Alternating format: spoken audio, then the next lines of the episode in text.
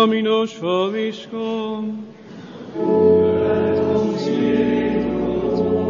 Lectio Sancti Evangelii secundo Matteum.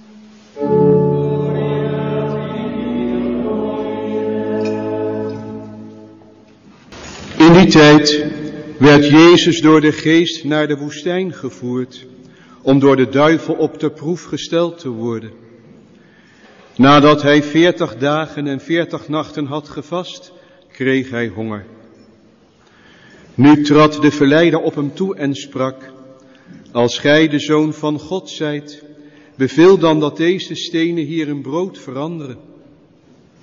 Hij gaf ten antwoord, er staat geschreven, niet van brood alleen leeft de mens, maar van elk woord dat komt uit de mond van God.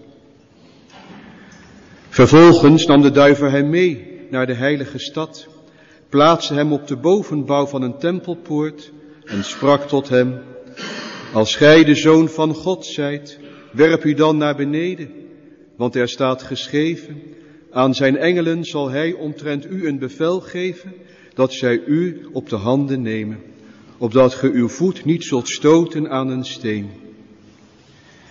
Jezus zei tot hem, er staat ook geschreven, gij zult de Heer uw God niet op de proef stellen. Ten slotte nam de duivel hem mee naar een heel hoge berg, van waar hij hem alle koninkrijken der wereld toonde in hun heerlijkheid. En hij zei, dat alles zal ik u geven als gij in aanbidding voor mij neervalt. Toen zei Jezus hem, weg Satan, er staat geschreven, de Heer uw God zult gij aanbidden en hem alleen dienen. Nu liet de duivel hem met rust en er kwamen engelen om hem te dienen. Verbum Domini.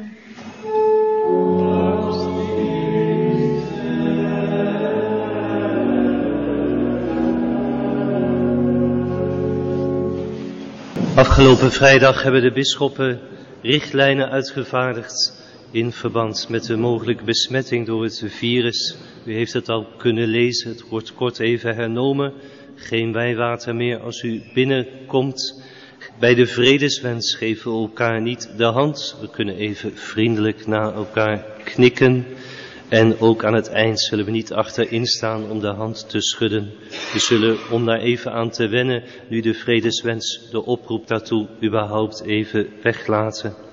De celebrant zal alleen uit de kelk het heilig bloed communiceren en ook de celebrant alleen zal communie uitreiken. Dus u moet straks allemaal naar voren komen om Jezus in de communie te ontvangen. De bisschoppen zeggen ook uitdrukkelijk dat de heilige communie voorlopig alleen op de hand kan ontvangen worden, niet op de tong.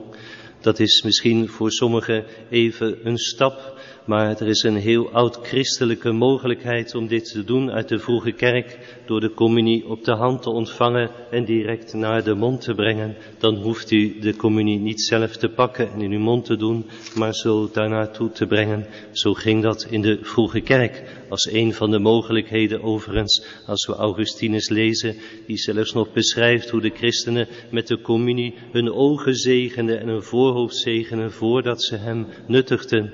Maar dit is een mooi gebruik. Laten we bedenken dat de handcommunie geen zonde is. Daar zou natuurlijk een grens liggen, maar die ligt hier niet. Handcommunie is een mogelijkheid. De zonde zit immers in ons hart en in het oordeel.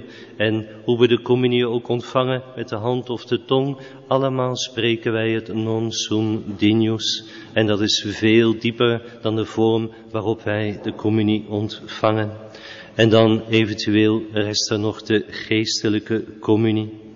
Betekent voor de mis dinsdagavond, die hier in de buitengewone vorm wordt opgedragen, die vorm vraagt om de tongcommunie. Dus ook de komende dinsdagen zullen we de buitengewone vorm vervangen door de gewone vorm blijft dezelfde mis, alleen de vorm is anders. Maar het zou jammer zijn als omwille van de vorm Jezus zich niet in de communie aan ons kon kan schenken, want daartoe komt hij toch onder ons in de mis. Dit is natuurlijk allemaal voor de komende tijd en we hopen dat het snel voorbij zal zijn en we weer volgens de gebruikelijke wijze elkaar de vrede kunnen wensen, het kruisteken kunnen maken en naar de eigen wens de heilige communie kunnen ontvangen. Met dank voor uw begrip en de medewerking. Ik herneem nog even rond de vredeswens, want gisteravond in de Petrus hoorde ik achteraf dat niet iedereen dat gehoord had en er toch mensen de hand hadden uitgestoken en anderen hadden gezegd nee en daar was een beetje frictie over, puur omdat men dat niet had gehoord. Dus denkt u daar even aan.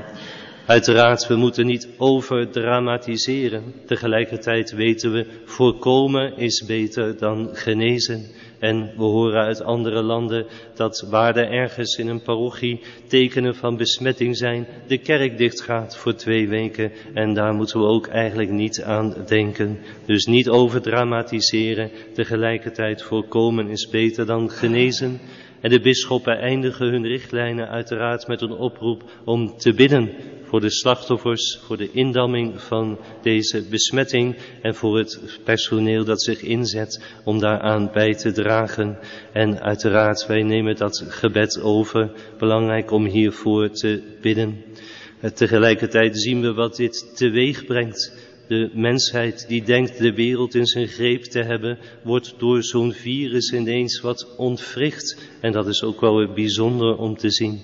Dus laat ons gebed niet alleen zijn dat dit ingedampt blijft, maar dat ook de mensen zich weer bewust zijn van het tijdelijke, van het vergankelijke, van wat wezenlijk is. En wellicht kan de Heilige Geest daar weer een opening vinden om de harten te raken en naar Jezus en de kerk te leiden. Laat ook dat ons gebed zijn. Corona, dat merkwaardige woord, betekent kroon. En laten we zo de kracht ook van het bloed van Christus, dat vergoten is door zijn doornenkroning, afsmeken voor deze situatie. Zeker hier in deze Lodewijkkerk, waar de patroon een grote devotie had voor de reliek van de heilige doornenkroon. Jezus die deze doornenkroon heeft gedragen, plaatsvervangend voor ons. En dat woord is wezenlijk voor ons katholiek geloof. Tegelijkertijd gebruiken we het veel te weinig. En is het ook niet altijd duidelijk wat daarmee gezegd is. Plaatsvervanging. Eigenlijk begon het al helemaal in het begin. We hebben uit Genesis gehoord hoe Eva zondigde. We horen Paulus zeggen hoe Adam zondigde. Adam en Eva hebben gezondigd. En ze hebben dat in zekere zin plaatsvervangend gedaan. Het is niet zo dat omdat Adam en Eva gezondigd hebben, wij zondigen. Nee, wij zouden evenzeer zondigen als Adam en Eva. Daarom is hun zonde plaatsvervangend geweest vanaf het begin. En daar ligt meteen een weg naar de verlossing toe. Maar daartussen nog een hele geschiedenis van de mensheid. En in het aanvoelen van de mensen ligt een aanvoelen voor plaatsvervanging. De Griekse tragedies van Euripides bijvoorbeeld, die gaan allemaal rond dit begrip plaatsvervanging. Iemand die bereid is zijn leven te geven, opdat een geliefde gered wordt. Iemand die bereid is om zijn leven te geven, opdat een volk gered wordt. En dat werd als heel nobel gezien. En dat is het ook. Zo ook in krantenberichten die we horen. Een brandweerman die sterft omdat hij iemand kon redden. En dan vinden we dat nobel. En dat is het ook. Een moeder die sterft om haar kind te redden. Een soldaat die sterft om zijn medesoldaten te beschermen. Het is allemaal nobel. En dan is er in de geschiedenis van de kerk ook die beweging dat mensen actief hun leven geven om een ander te redden. Dit is de juiste betekenis van de actieve beëindiging van het leven. Natuurlijk, Maximilian Kolbe kennen we allemaal, hoe hij in plaats van een jonge vader bereid was de hongerbunker in te gaan, in plaats van hem. Al deze vormen van plaatsvervanging buiten de kerk of binnen de kerk, uiteindelijk verwijzen ze naar de plaatsvervanging bij uitstek door onze Heer Jezus Christus. En Hij in zijn God heeft, Godheid neemt ook al deze offers op in zijn grote offer van binnen de kerk en ook van buiten de kerk. Jezus' plaatsvervanging is natuurlijk anders dan dat Hij dan bij deze mensen. Deze mensen konden slechts enkele redden en dan nog maar voor hun tijdelijk leven. Wellicht in de hoop dat ze dat tijdelijk leven gebruiken om zich te openen voor Christus die eeuwig leven kan geven. Maar meer dan dat konden zij niet doen.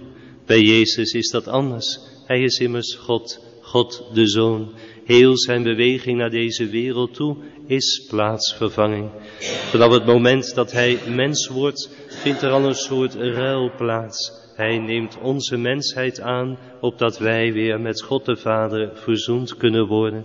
En zo komt hij schier ongemerkt langs zij. Is hij dertig jaar onder ons, zonder dat iemand hem eigenlijk opmerkt. En dan begint hij zijn publiek leven. Hij begint het overigens buiten het publiek, daar in de woestijn. We hebben het gehoord. En daar wordt hij beproefd door de duivel, want de duivel herkent hem wel. De duivel heeft vanaf het begin gezien wat er gebeurde en is geschrokken.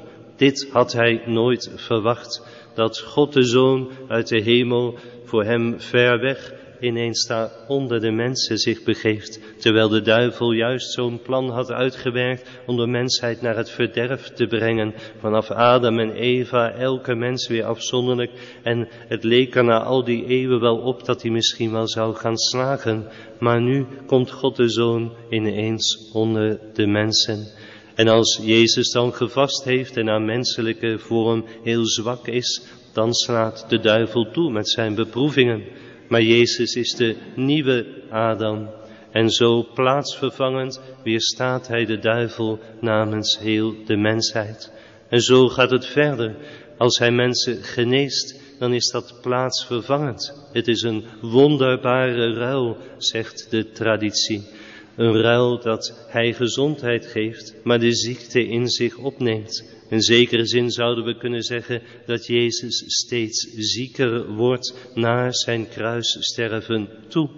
Als hij zonde vergeeft, dan zijn die zonden niet weg, maar hij neemt ze in zich op, zodat hij naar het kruis toe meer beladen wordt met de zonde. Als hij enkele mensen, het dode mensen het leven teruggeeft, is ook dat een ruil. Hij schenkt het leven, maar hij neemt hun dood in zich op, zodat hij toeleeft naar het moment van zijn sterven. En dan komt de zichtbare plaatsvervanging in het dragen van de kruisbank en het sterven aan het kruis. Eigenlijk was dat de straf voor Adam, was dat de straf voor Eva, was dat de straf voor ieder van ons. Om dat zo voor te stellen, dat beladen met de balk ik daar loop naar die kruisberg toe. En Jezus ineens vanuit de menigte komt, de kruisbalk overneemt en de tocht en het lijden en de dood voltooit. Plaatsvervangend. Plaatsvervanging wil niet dus zeggen ten bate van, maar echt heel letterlijk onze plek overnemend, mijn plek overnemend, mijn doodsangst, mijn lijden, mijn sterven, mijn oordeel, mijn gezonde worden naar de hel, alles heeft Jezus plaatsvervangend op zich genomen om ons daarvan te vrijwaren en een nieuw leven te schenken. Zo is plaatsvervanging dus een wezenlijk begrip in wat Jezus gedaan heeft. Voor ons blijft het moeilijk. We reageren daar op verschillende manieren op. We willen het een beetje weghouden, want we hebben niet graag dat iemand in plaats van mij sterft. En als dat toch gebeurt, dan is dat heel moeilijk om dat te kunnen ontvangen, want het is zoveel. We kunnen dat nooit vergoeden, we kunnen daar nooit dankbaar genoeg voor zijn. En dan houden we het liever maar een beetje opzij.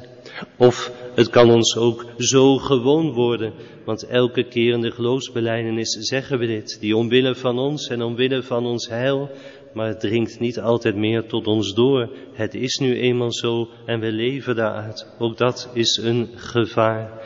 Dus belangrijk om dit begrip, maar vooral wat er gebeurd is, weer meer tot ons door te laten dringen. Ook de vraag die kan opkomen, als Jezus dit plaatsvervangend heeft gedaan, waarom lijden wij dan nog? Waarom is er dan nog verdriet? Waarom sterven wij dan nog? Belangrijke vragen waar we de komende zondagen wat bij stil zullen staan. Voor de vederdagentijd betekent dit dat het niet alleen de handelingen zijn van de vastentijd, iets meer bidden, iets minder eten en wat voor de ander over hebben, maar dat we vooral proberen ons hart weer te openen voor wie Jezus is en voor wat Hij, wat hij voor ons heeft gedaan, wat Hij voor ieder van ons heeft gedaan, wat Hij voor mij heeft gedaan, plaatsvervangend.